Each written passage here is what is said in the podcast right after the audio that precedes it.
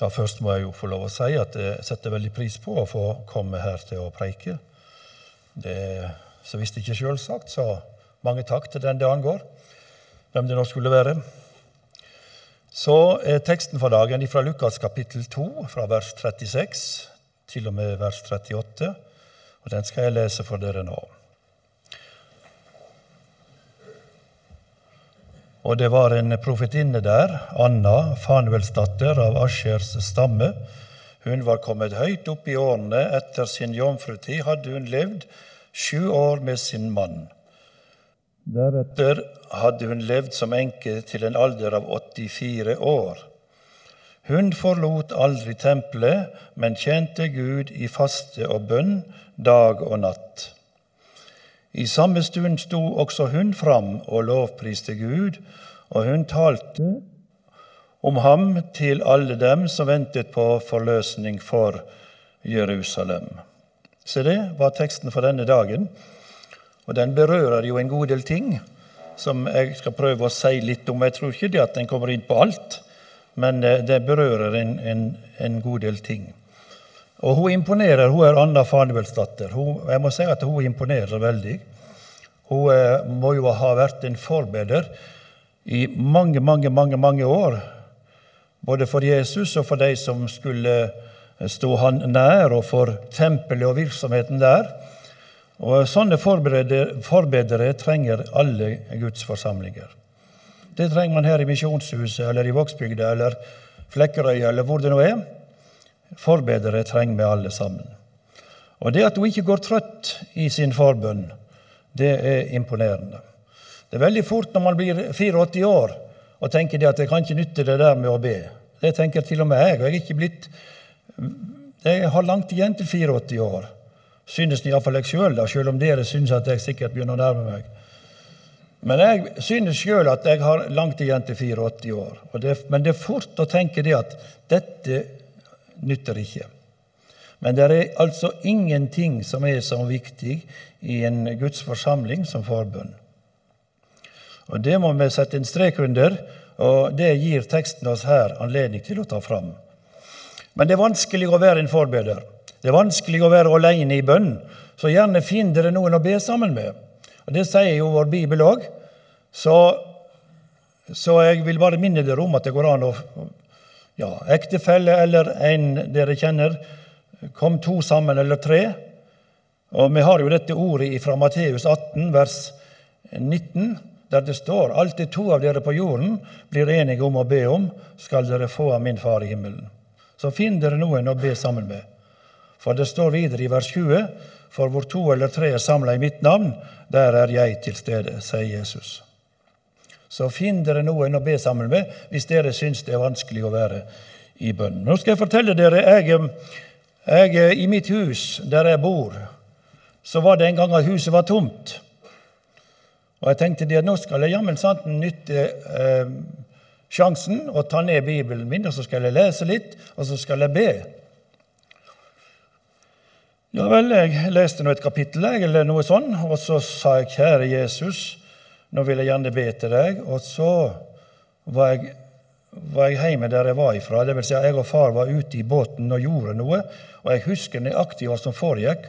Og det var altså så eh, ja, Det angikk meg så sterkt at jeg, det, det er akkurat som en grøsser. Altså, for jeg trodde det. Jeg sto og trekte garn, og jeg trodde det kom et menneske opp i følge med garna. Og satt og tenkte på det. Men så plutselig så våkna jeg opp. Ja, men du satte deg jo ned her for å be. Og så forsvant tanken over alle haugene. Jeg var i brigaden i Nord-Norge og gikk på ski. Og jeg kan ikke gå på ski. Og hjemme i Øygarden, der jeg kommer ifra, så er jo vinteren var jo på en mandag. Eller kanskje en fredag. Og vinter eller fantes ikke. Fra jeg var sju år til jeg var, 17, til jeg var 15 år, så fantes ikke snø. Men det er Norge, bare så det er sagt, ute i havet. Vel, vel. Og jeg skulle huske jeg skulle nedover en lang, lang bakke de hadde jo selvfølgelig sendt meg i Hæren, innerst i Troms. Jeg som ikke kan gå. Jeg hadde nå plassert meg om bord i en båt, så var det jo noe helt annet. Men jeg skulle ned en lang, lang bakke på, med, med, ski på beina. Og Der kom der en mann oppover, og han holdt på i samme sporet som meg. Og jeg var ikke mann om å komme meg ut av, og han så ikke ut som han Og der smalt det, og han har sikkert kommet ned igjen, men jeg så han ikke mer. Og så satte du ned, Jeg satt og tenkte på dette. her. Ja, men du satte deg jo ned for å be til Jesus. Og så forsvant tanken over alle hauger igjen, og så sa jeg i stua mi hvorfor er det så vanskelig å be? Og så var det som at det sto et person på sida omtrent her, og han sa rett ut i samme øyeblikk det er fordi at Satan kjenner makta i de foldede hender. Og Det må du huske på, du som ber for forsamlingen her. Og Jeg må si jeg lar meg imponere over Anna Fanuelsdatter. Hun var trofast i bønn og faste i år etter år etter år etter år. Og det skal særlig nåde fra himmelen til. Og Hvis dere trenger noe, dere som går her i Misjonshuset, så er det forbønn. Men det gjelder ikke bare dere, det gjelder sikkert mye mer andre plasser i landet vårt. Så la oss be for hverandre og være trofaste i bønn og i forbønn, som teksten i dag minner oss om. Og så står det det at hun ba om forløsning for Jerusalem. Og eh, det må vi be om, at eh, det må gå vel med Guds folk.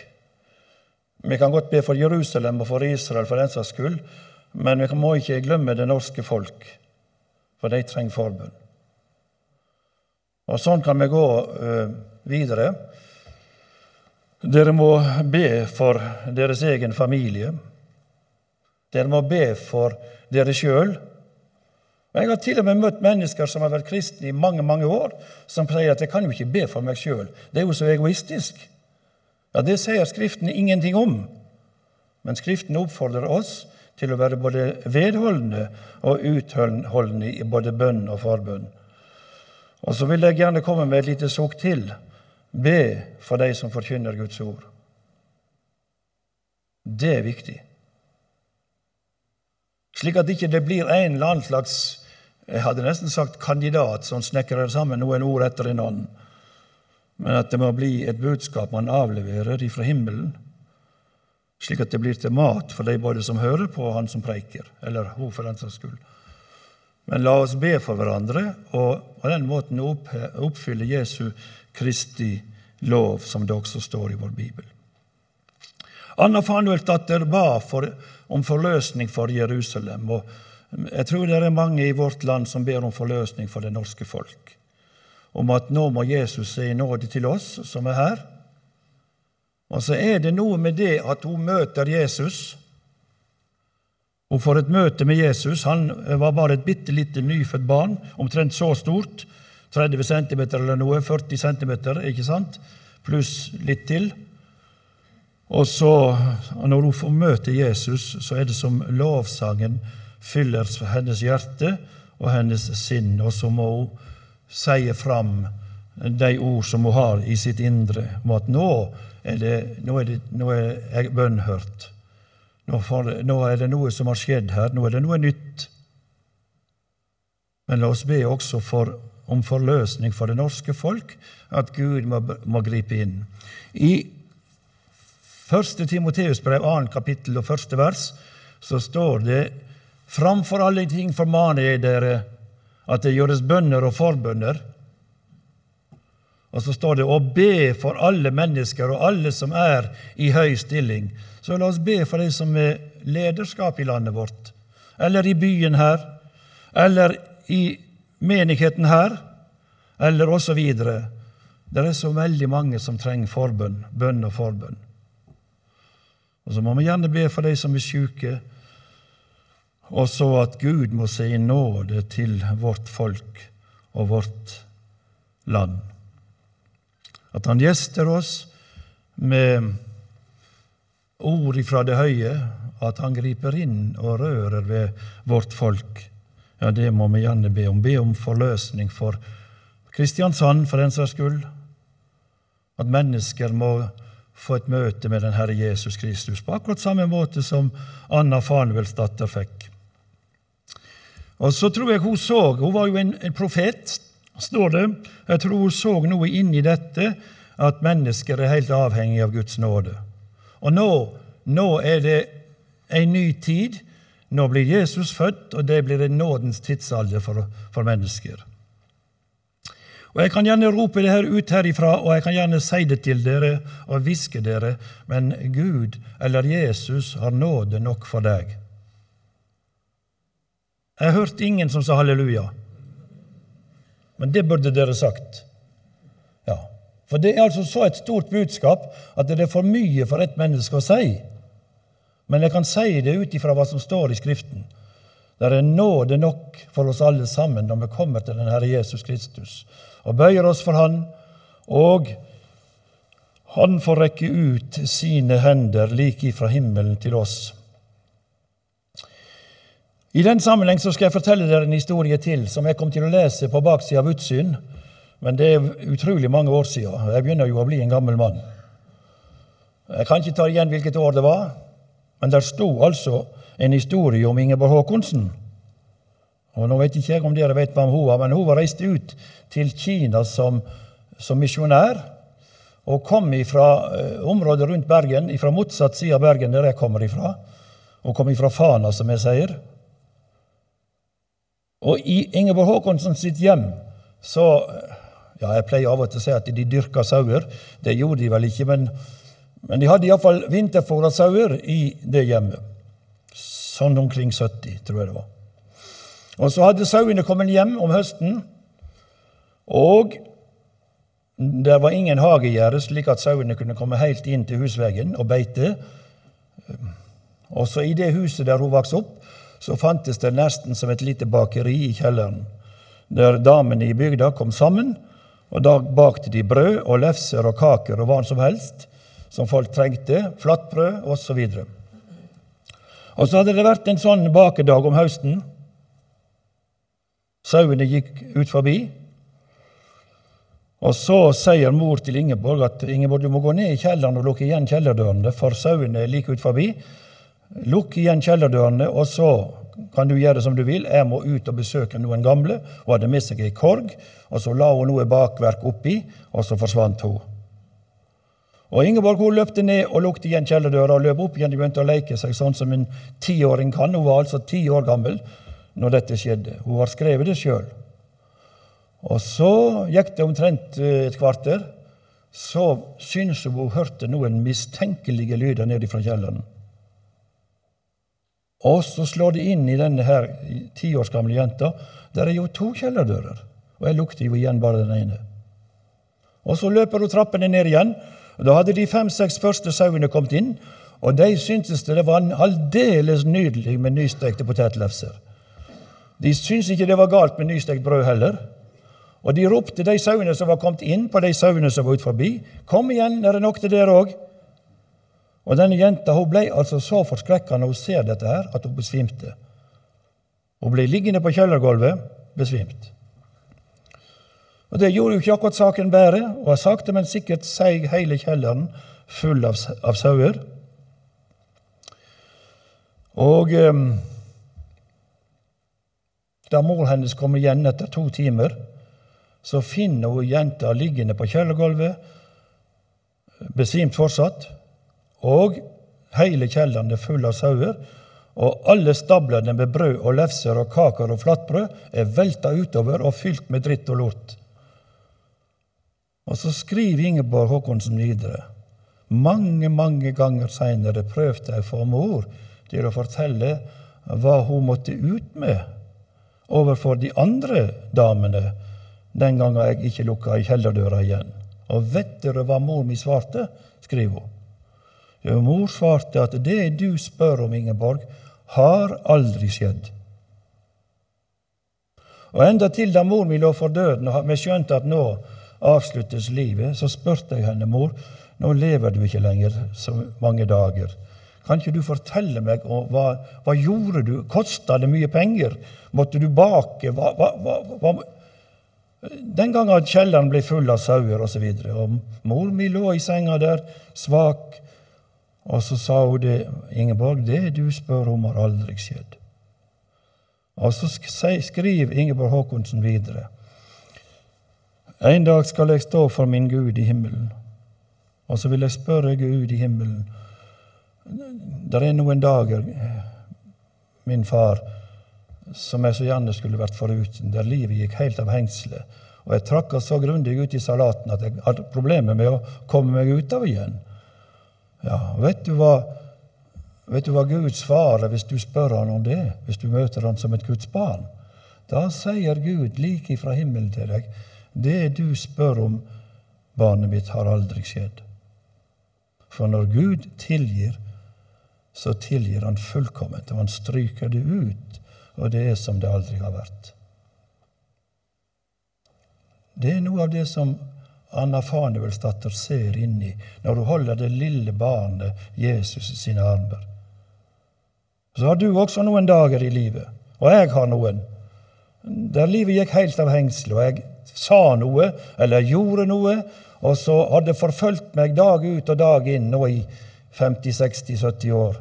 Ja, 70 blir vanskelig for meg, da. Men, men det er ting som dukker opp, kanskje midt på natta, og så må jeg si, Gud, kan du tilgi?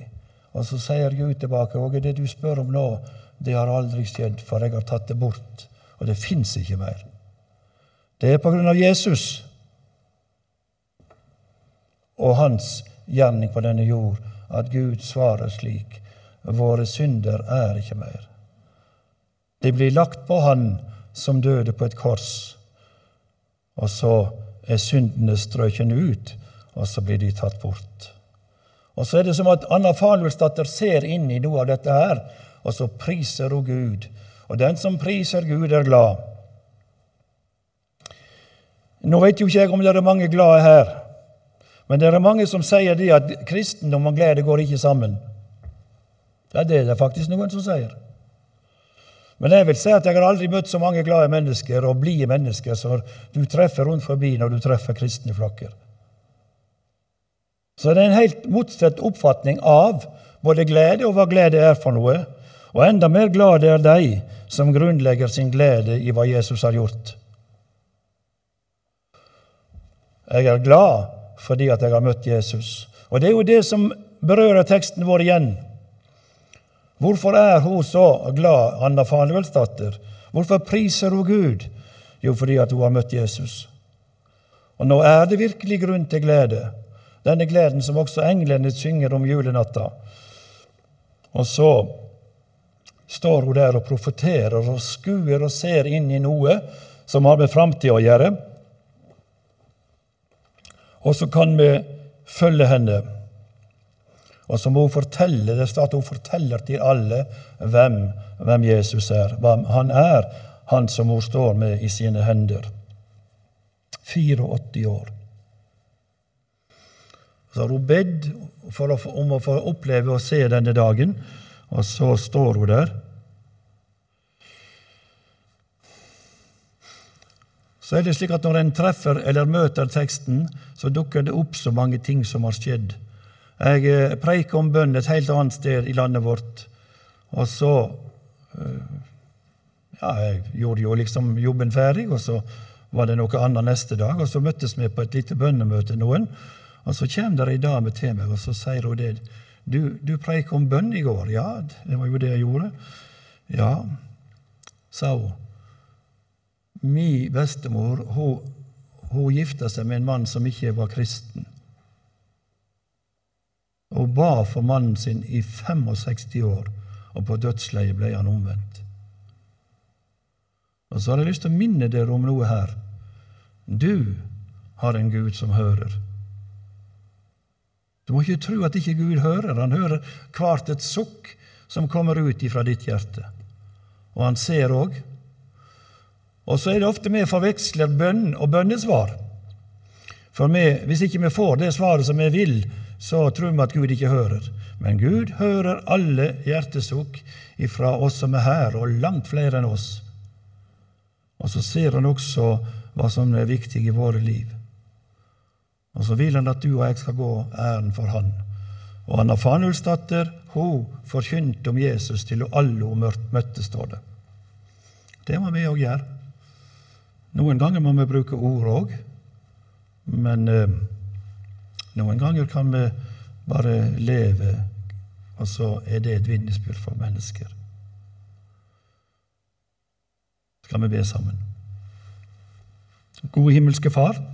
Du ser oss og kjenner oss og veit hvem vi er, hvor vi bor. Herre, la oss få være mellom de som priser ditt navn, både nå her og i all evighet. Takk for at du har plass til oss i himmelen. Takk for at ikke du går oss forbi. Og takk for at vi kan foregne med deg, Jesus, alltid og til alle tider. Og takk for at du åpner himmelen for oss, Jesus. Amen.